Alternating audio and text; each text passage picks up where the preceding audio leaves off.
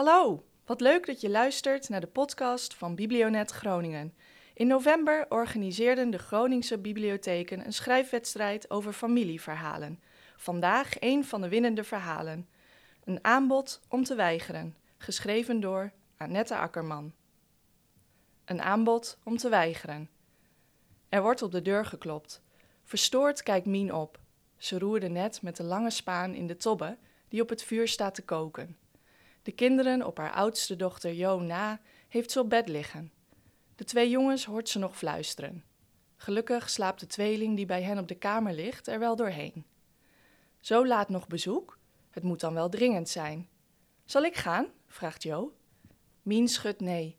De oorlog heeft haar argwanend gemaakt. Ze kijkt nog eens naar de tobbe. De was kan niet wachten. De kinderen moeten morgen de kleren weer aan. Ze geeft de spaan aan Jo. Goed roeren. Er wordt nog eens geklopt.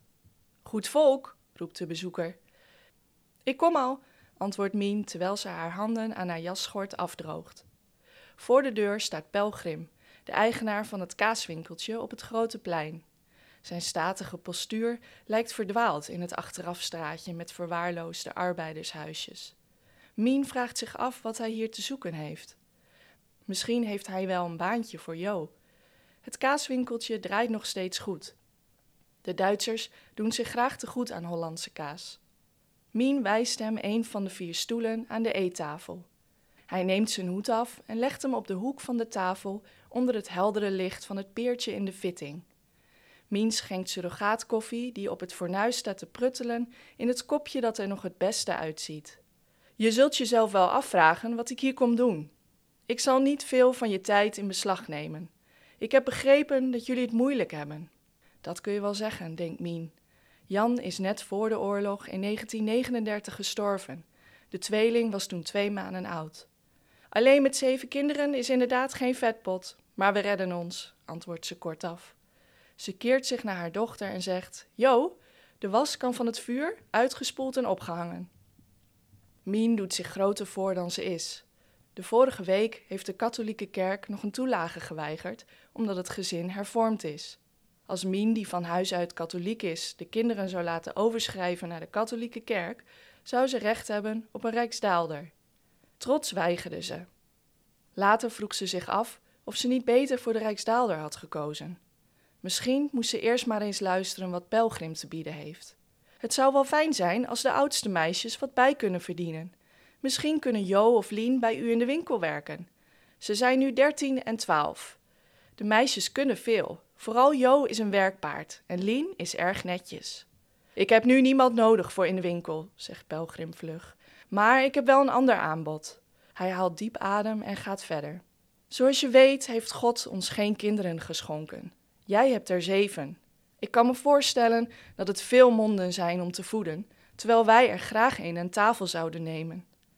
Laat ik ter zake komen. Ik wil graag jullie oudste zoon, Jan heet hij als ik het goed heb, van je overnemen. Het lijkt me een kranige jongen. We nemen hem op als onze zoon. Alles is al geregeld om dat wettelijk vast te laten leggen.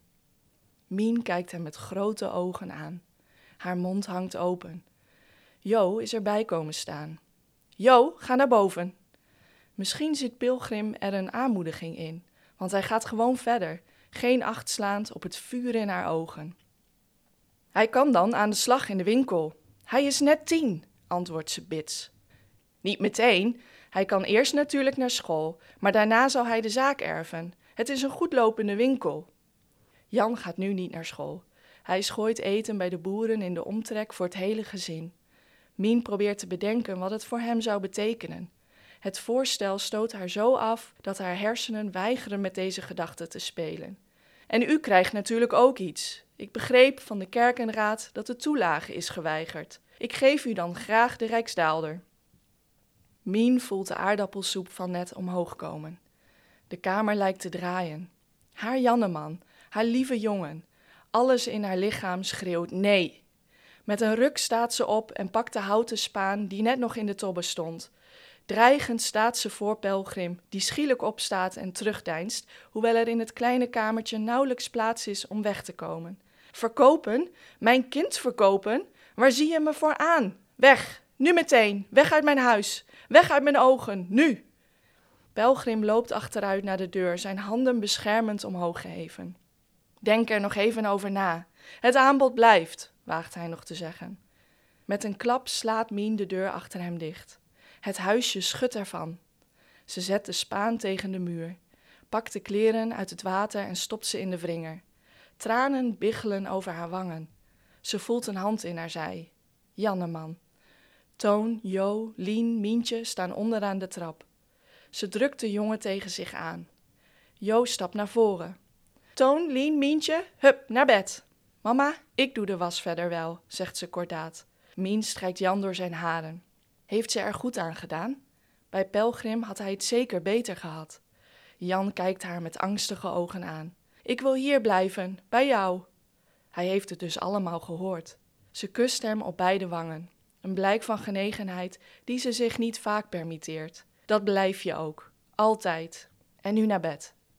Later zou mijn vader nog gekscherend zeggen dat hij bijna een kaaswinkel had gehad.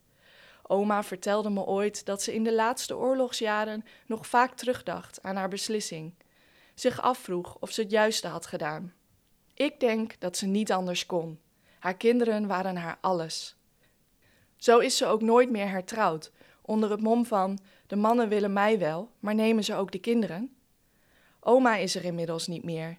Ook mijn vader en zijn broers en zussen zijn allemaal overleden. De winkel bestaat nog steeds en is een gerenommeerde delicatessenzaak.